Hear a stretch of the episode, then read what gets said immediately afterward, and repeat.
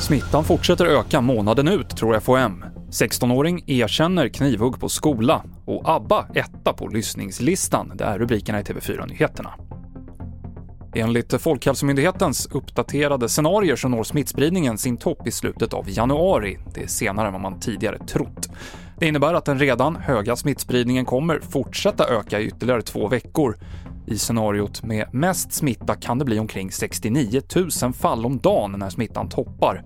Redan nu så har vissa regioner svårt att hinna med testningen, så det kan behöva prioriteras under en tid framöver, säger Anders Tegnell. Vi har pekat väldigt tydligt på att det finns två grupper framför allt där man behöver se till att det alltid finns en god tillgänglighet till snabb testning. Och det är ju förstås om det finns en medicinsk indikation så att det kan styra vården av en patient eh, som ska läggas in. Då är det ju jätteviktigt att man vet vad patienten lider av.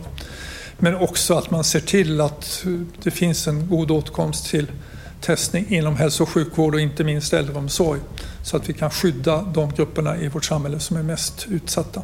Mer om det svenska coronaläget på tv4.se. I Frankrike strejkar lärare idag i protest mot regeringens coronahantering när det gäller skolorna.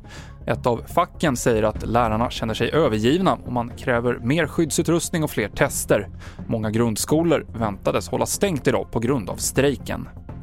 Den 16-åring som är misstänkt för knivattacken på en gymnasieskola i Kristianstad erkänner att han utdelade huggen och han har nu häktats misstänkt för mordförsök. Det var i måndags som knivattacken skedde. En elev och en lärare skadades. 16-åringens försvarare Björn Attnarsson säger att motivet är oklart i nuläget. Han är nog inte riktigt klar över det själv faktiskt.